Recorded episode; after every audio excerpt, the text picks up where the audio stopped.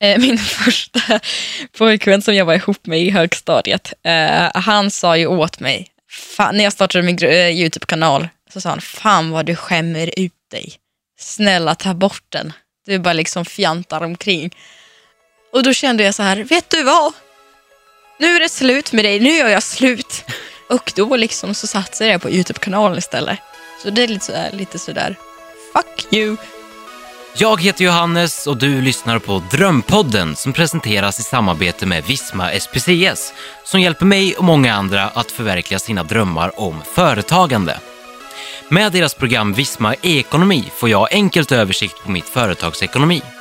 Programmet kan ta emot och skicka fakturor i alla format och med appen fotar jag smidigt av kvitto och informationen hämtas direkt till programmet. Visma e-ekonomi har även automatisk avstämning mot banken. Det här är helt enkelt en massa av smarta funktioner som gör att jag istället för att lägga för mycket tid på bokföring kan fokusera på det som jag tycker är roligast, som att stå här och prata med dig.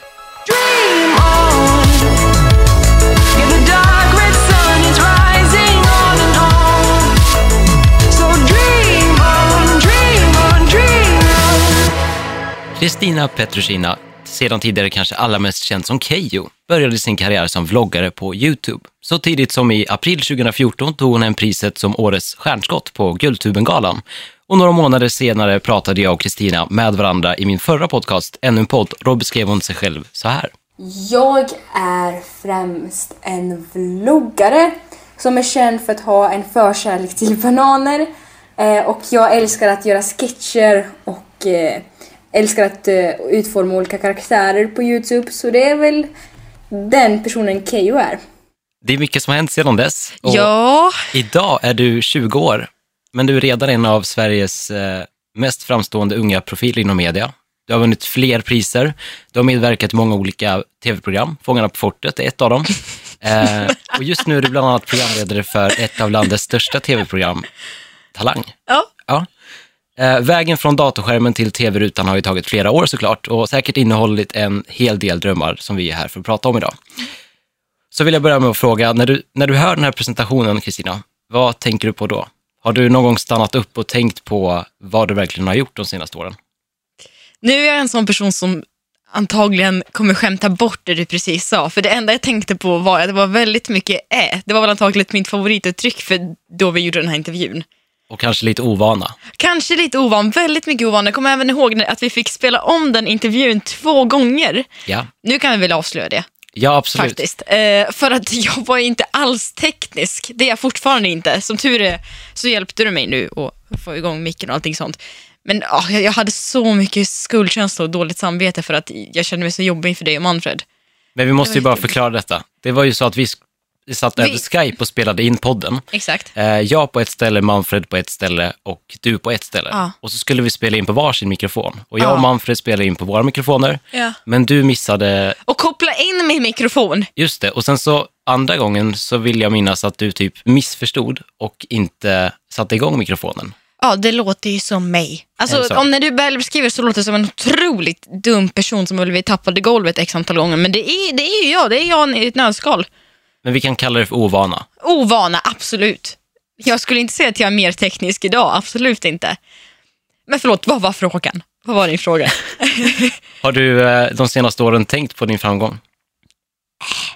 nej, nej, det, nej, det, nej, det är inte så att jag har suttit och bara Gud, jag är så framgångsrik. Det har jag absolut inte gjort. Jag har snarare tänkt sådär, shit, vad läskigt att jag har fått göra sådana grejer, känner jag. Det känns jätteläskigt och coolt, men mest läskigt skulle jag säga.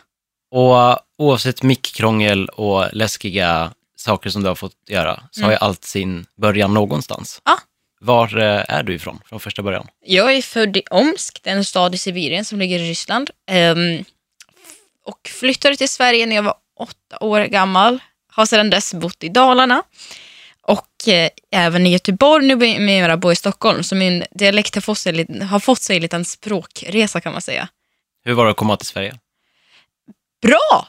Det var, jag älskar Sverige. Jag känner att jag aldrig nog kommer att flytta härifrån. Det finns vissa som har drömmar om att ta sig till London och ta sig till Paris, men jag känner fasen vad jag trivs. Jag har verkligen hittat mitt hem. Jag är en Sverigepatriot. Men det var, ju, det var ju såklart väldigt omväxlande. Även om jag trivs väldigt väl nu så gjorde inte jag den, det de första åren på grund av diverse olika anledningar. Det förekom väldigt mycket mobbing och jag eh, kunde inte språket flytande då. Men ja, Och de här första åren, vem var du som ung? jag bodde i en liten ort eh, där man antingen kunde vara hockeykille eller så kunde man hålla på med fotboll. Eh, och så hamnade jag lite utanför så jag liksom var den ensamma medlemmen i den här datorklubben som vi hade i skolan. Så jag var väl lite nörden. Just det, man kunde, det var också en period där det fanns fjortisar och emos. Kommer du ihåg det? För Ja. vi är ju lika gamla. Ja, Så jag, jag föll aldrig in i någon av de facken. Så jag var väl lite den här som föll mellan stolarna någonstans. Så jag väl, var väl den där lite quirky nördtypen i skolan. okej. Och inget emo? Inget emo. Jo, jag skrev för sig en emo-låt. Det gjorde jag. För att jag ville passa in. Eh, och som jag skickade in till Lilla Melodifestivalen. Eh, jag kommer exakt ihåg hur den går. Den går lite sådär. Eh, emo, emo, det är en livsstil. Emo, emo, jag gör som jag vill för att jag, för att jag är emo, emo. Wow! Det här blev jättecringe nu. Jag hade Jag inte förväntat mig, mig, det här. jag förväntade mig en applåd eller någonting, men du Ja, gjorde men det ännu mer stel. Tack Johannes, tack. Varsågod. Tack så mycket. Och när du var, var med i den här datorklubben, Mm. eh, samtidigt, vem drömde du om att bli? Jag var ju med i den här datorklubben där jag filmade och fotade för att jag kände att det här är en hobby, det här är jätteroligt att hålla på med. Och så hade de också eh, mackor som de bjöd på. Så det var väl mest därför jag gick dit. Eh, så jag tänkte väl aldrig att man kan, jobba, man kan inte jobba med media, man kan inte jobba med film. Det, det går liksom inte. Så jag ska vara helt ärlig med att säga, jag, jag drömde faktiskt om att bli någonting citationstecken seriöst. Så jag pluggade senare på gymnasiet samhällsvetenskap och ville någonstans bli en åklagare eller så här jurist eller någonting sånt. Jo, men med tanke på att jag också kommer från en familj där alla är högutbildade. Nu menar inte jag att eh, när man jobbar med media att man är lågutbildad. Men det var väldigt, eh, man är matematiker eller man jobbar med att utveckla raketdelar. Alltså väldigt mycket sådana här grejer. Eh, så jag ville inte heller känna mig som det svarta fåret. Har du några företagare i familjen? Egenföretagare? Ja. Nej. Nej. Vad tänkte du på då? Nej, men jag tänker att du, du har gjort en himla resa och det finns ju ett driv där någonstans. Och att det kanske kan vara för att du har till exempel föräldrar som, som är väldigt drivna själva. Nej, men alltså det här med egenföretag, jag tycker det är skitsvårt. Är det så? Jag tycker det är jättesvårt att hålla på med några jävla aktiebolag och skit. Jag vill bara, jag vill bara stå för det. Liksom. Jag vet att det är en väldigt stor del av att man måste, man måste kunna företagen och sådär. Men jag är så här, jag vill stå för den roliga delen och så vill jag, nej men matte och sånt har jag aldrig varit bra på. Tyvärr. Nej, men precis som du säger, du ska göra det som du är bra på. Mm. Och sen kan andra jobba med, med sakerna bakom. Jag kan skaffa mig bitches som kan göra allt jobb åt mig. Nej, jag skojar bara. Men det är bra. Nej, nej gud. Nej, men det är bra att vara lite allkunnig. Jag får, man får lära sig så småningom. Gymnasietiden, Ja. du pluggade samhällsvetenskap. Eh, första året, ja. Sen bytte jag till teater för att jag började jobba så pass mycket. Eh, och var tvungen, jag bodde på den tiden i Göteborg så jag kände att jag kunde inte... Jag åkte iväg otroligt ofta till Stockholm, nästan en gång i veckan. Då kände jag, gud jag hinner inte med det här. Så jag, eh, jag bytte linje. Men det var inte superlätt för att jag kände också en skam för att gud, teater är ingenting som man kan gå, tyckte jag och kände jag då.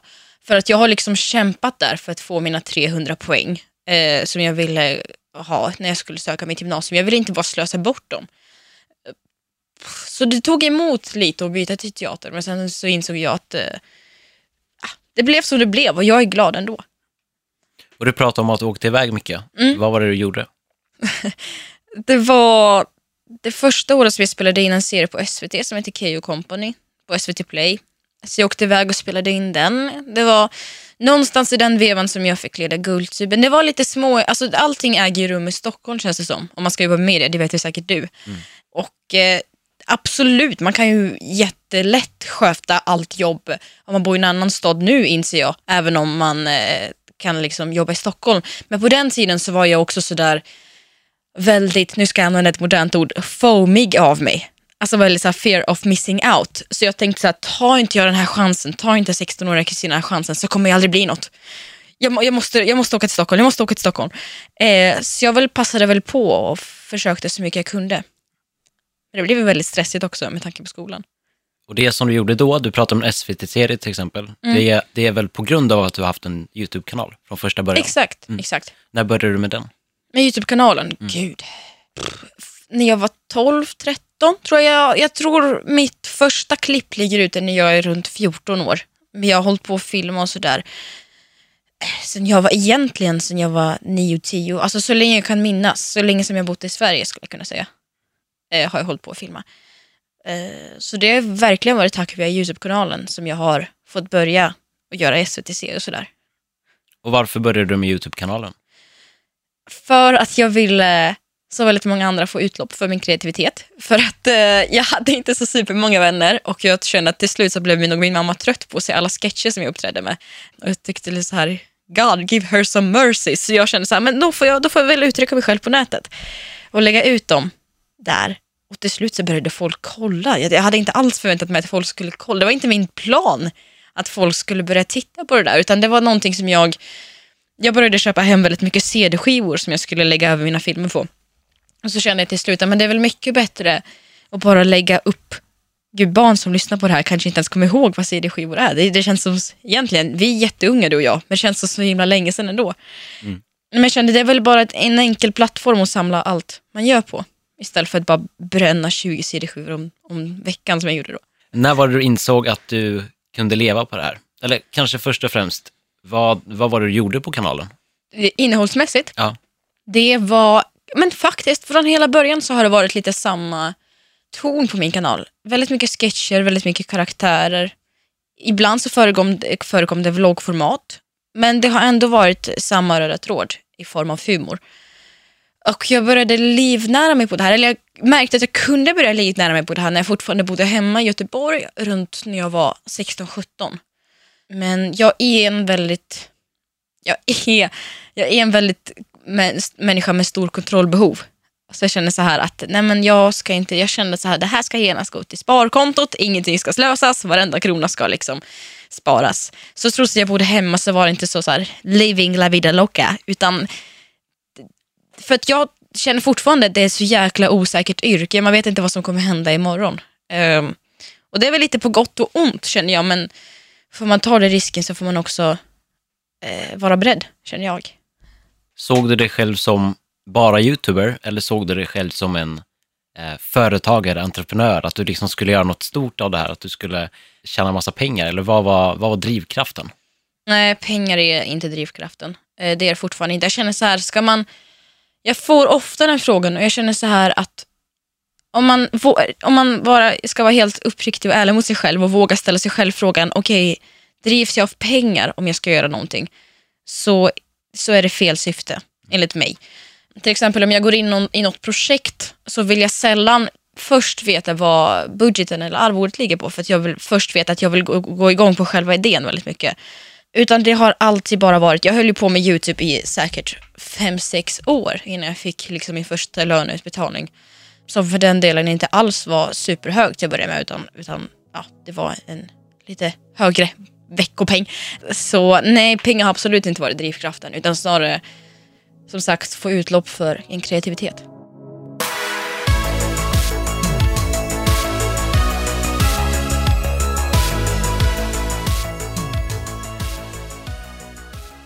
När du hade hållit på med YouTube ett tag så fick du bland annat göra en SVT-serie. Mm. Hur eh, gick det till?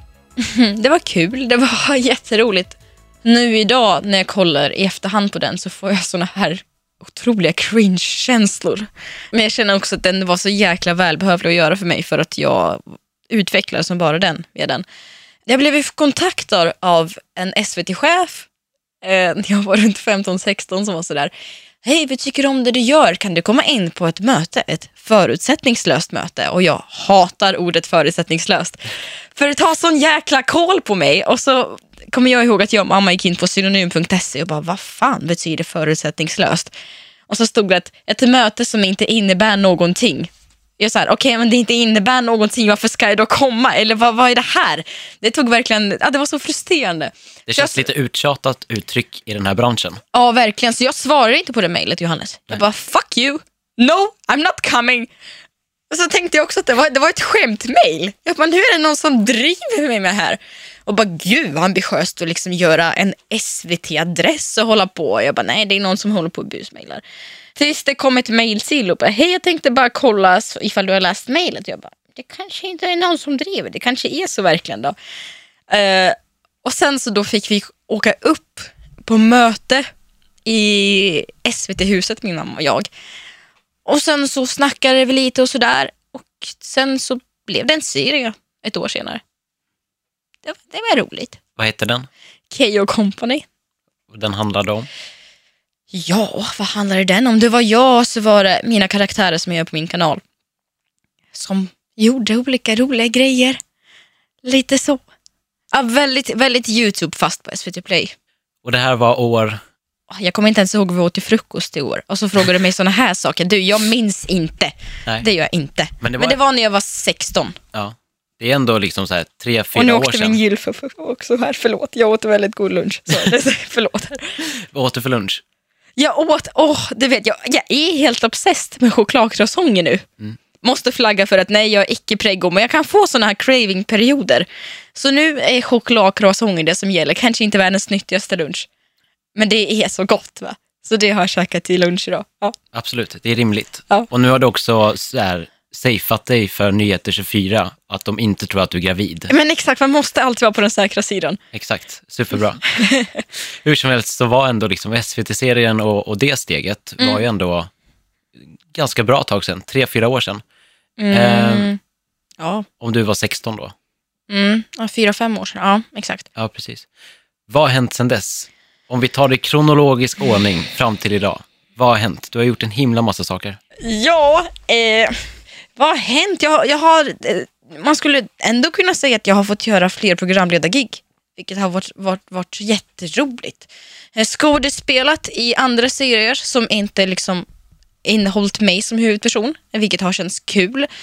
Eh, jobbat jättemycket med mina förebilder som jag haft, som till exempel Anders Jansson, Karina Berg, Kodjo nu och Per Lernström. Alltså det är människor som jag liksom har sett upp till så länge. Och det känns som en så jäkla ära. Lärt mig supermycket framförallt ska jag kunna säga.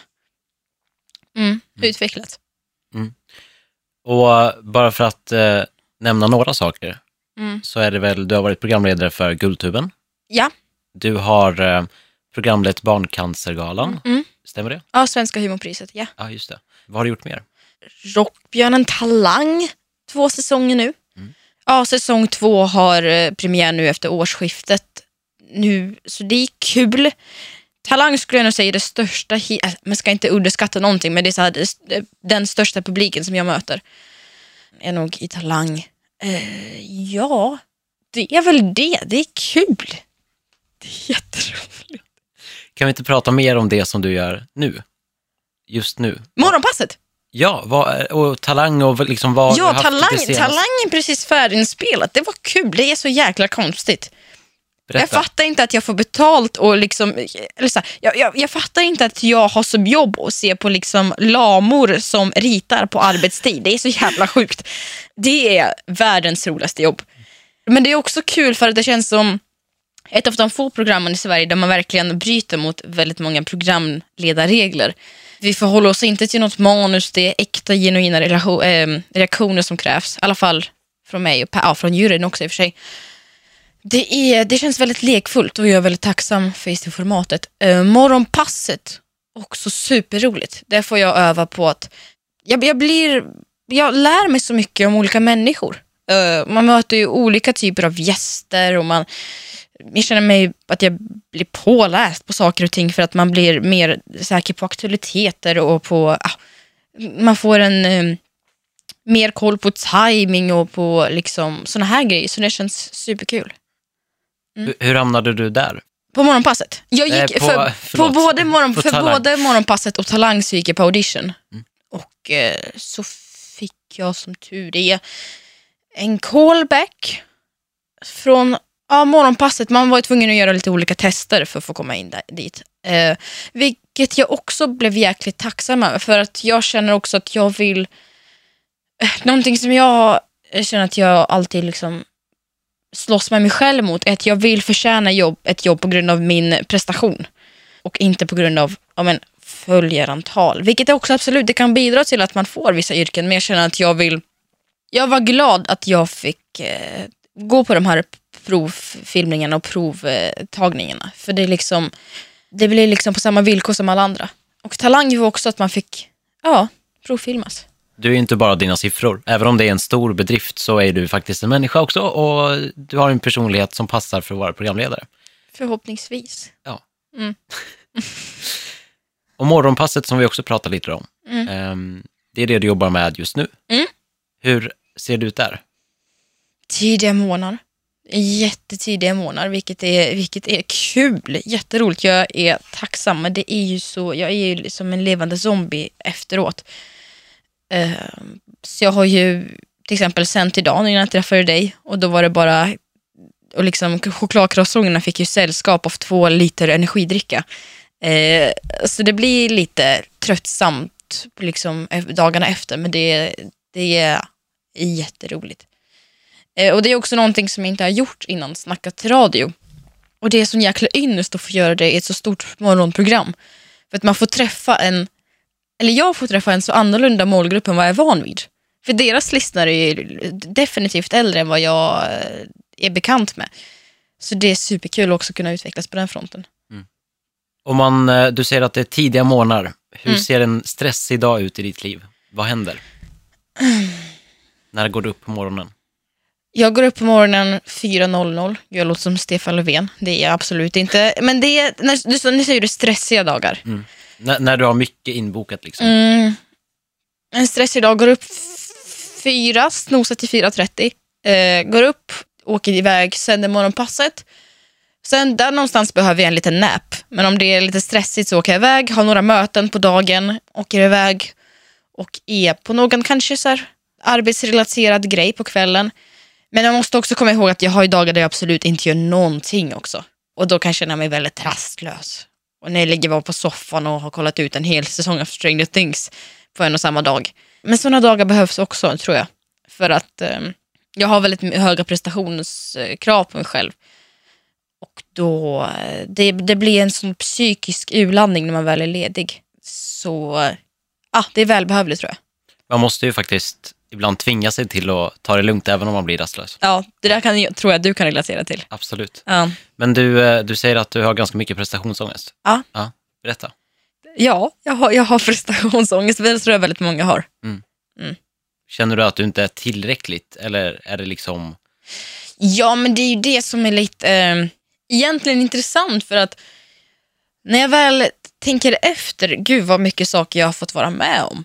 Ja, liksom, för bara nå, om man bara ska ta eh, så här, jobb eller Ja, för bara fem år sedan så hade inte jag varit utomlands alls i princip. Och nu har jag fått liksom åka och jobba utomlands i länder som Indien och Tokyo och, och så, liksom OS. Om jag bara tänker på de grejerna, shit det är så coolt. Jag borde vara stolt men samtidigt så är det en törst efter att gud varför har jag inte gjort det här än?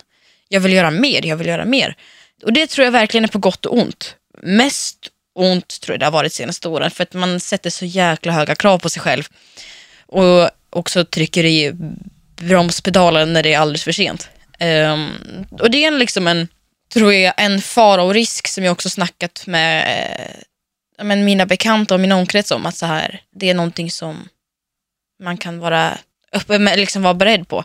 Och det tror jag man också är, är tvungen att hålla koll på när det gäller dina, liksom, just din bekantskap. Och liksom, för det är, det är, man märker verkligen inte faran när det är för sent.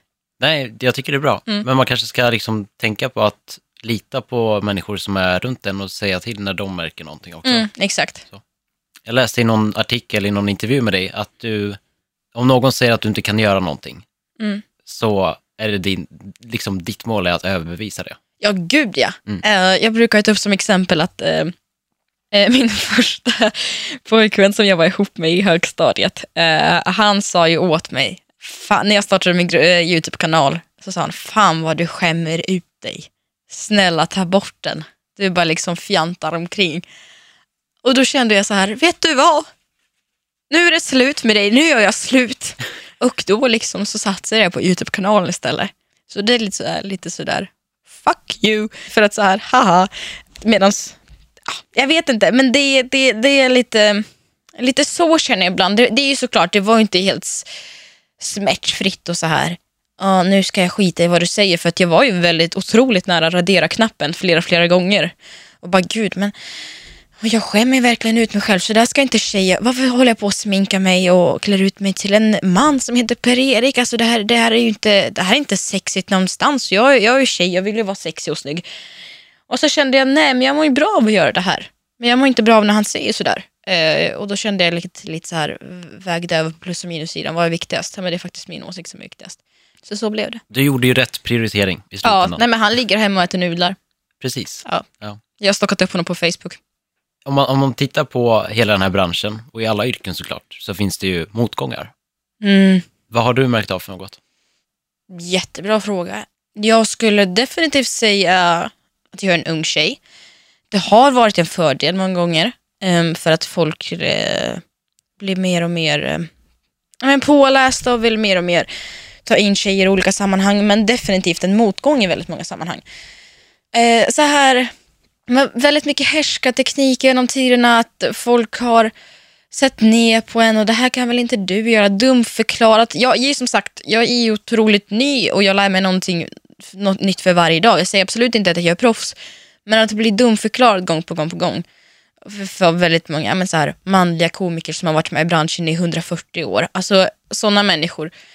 Ålders, diskrimineringssaker, att man inte förväntas komma med en åsikt bara för att man är hälften så ung. Lite sådana grejer. Att man inte tas på allvar riktigt och att folk antar att bara för att man jobbar med sociala medier eller har en större social plattform så är man plötsligt en eh, dum fjortis som eh, har 0,1 på högskoleprovet. Alltså lite sådär faktiskt. Och att det inte finns någonting förutom det ytliga de ser på Instagram eller på YouTube. Utan de tar inte ens sig tiden att lära känna personen. Precis, och tar sig kanske inte tiden att förstå fenomenet. Och Exakt. varför någon, alltså så många personer vill följa dig och varför du passar som programledare i Talang. Det finns en anledning. Mm. Och alla har inte hela bilden Mm, men exakt. över hur ungdomar lever idag. Mm. Skulle du säga att du har någon dröm som har krossats? Mm. Krossats så här. Jag, som tur är, inte. Jag känner så här, krossats har det inte gjort, men jag har mycket kvar att uppnå. Jag har jättemycket kvar att uppnå. Det jag känner att jag någon gång ändå skulle vilja göra i livet är väl kanske att plugga vidare. För att jag känner att jag någon gång också vill gå hög högskolan, alltså den här, eh, för att jag har ingen högre utbildning i gymnasiet. Och det är någonting som jag känner att jag vill ha på mitt CV innan jag dör. Också så här, återigen, egentligen, varför vill jag ha det? Jag kanske inte ska ha svenska fyra betyget till någonting, men jag vill bara ha det för att bevisa för mig själv, för att jag har det där jävla betyget. Men bara, ah, kanske skaffa mig mer grundläggande utbildning, för att man måste väl alltid vara på den säkra sidan, känner jag. Bara för att jag är som sagt ett control freak. Är du nöjd med var du är idag? Det skulle jag ändå säga. Alltså så självkritisk som jag är så kan jag ändå ge det mig själv att ja, jag är faktiskt det. Men du är inte färdig än. Jag är inte, definitivt inte färdig än. Hur ser drömmen ut idag? Vart är du om tio år, för att ställa en klyschig fråga? Vart jag är eller vart jag vill vara? Vart du tror att du ska vara? Jag tror att jag bor kvar i Stockholm. Mm, med tanke på att jag som sagt sa att jag älskar Sverige. Um, förhoppningsvis, förhoppningsvis hoppas jag på att få fortsätta jobba med media på något sätt. Och filmskapande och rörlig bild. Kanske som programledare om jag, om, liksom, om jag får vara med. Eller det skulle vara skitcoolt att producera. Eller regissera någon gång. Skriva, alltså agera. Det, ja, det är förhoppningsvis min dröm. Och eh, ha en, alltid en välfylld kyl och ett jättefint hem. Och så ska jag ha en stor balkong, vill jag ha. Det låter som bra mål. Ja. Om man avslutningsvis bara ska be dig om tre stycken tips för att våga, oavsett om man är eh, någon som vill börja med YouTube eh, eller om man vill starta ett företag. Hur Starta vågar man? företag, alltså. Ja, jag, Förutom att göra slut med, med sin partner som trycker ner med sin duschpartner, alltså är inte slut med din partner om du är kär i henne. Men eh, alltså jag kan, kan väl ändå säga med företagande eller YouTube, det kan väl gå lite hand i hand hitta din egna nisch. Eh, definitivt. Alltså, om du redan ser att det finns det finns redan en Joakim Lundell, det finns en Therese Lindgren. Absolut, du kan inspireras, men sno inte det rakt av, utan gör någonting ditt eget som folk vill se och som du känner saknas på den plattform. Drivs, äh, tips nummer två, drivs inte av fel faktorer, det vill säga motiveras inte av att få din första lönecheck, utan motiveras inte heller av att få många fans, utan tycker du genuint att det är roligt, kör hårt, satsa, för att det är det som kommer vara faktorn till att du orkar köra i slutändan. Och tips tre, när det gäller till... Alltså, tänk på att Rom byggdes inte på en dag, som man säger. Det kommer ta en jättelång tid. När jag började så fanns det knappt några användare alls på svenska YouTube och det tog ju fem sex år. Och man kan inte vakna upp över en natt och få 10 000 prenumeranter. Det funkar inte så. Utan man får successivt jobba sig uppåt. Du har uppenbarligen tålamod. Ja, och också vara fair, eh, känner jag. Det måste man alltid, vad säger man, ha vitt mjöl i påsen. Ha rent mjöl i påsen, så säger man. Inga lik i garderoben. Inga lika garderoben. Jag kommer, jag kommer som sagt från Ryssland, så du får rätta mig ibland- ibland. Ja, men vara fair och ja, vara schysst. Tack så mycket Kristina för att du ville komma hit. Tack Johannes. Dream on.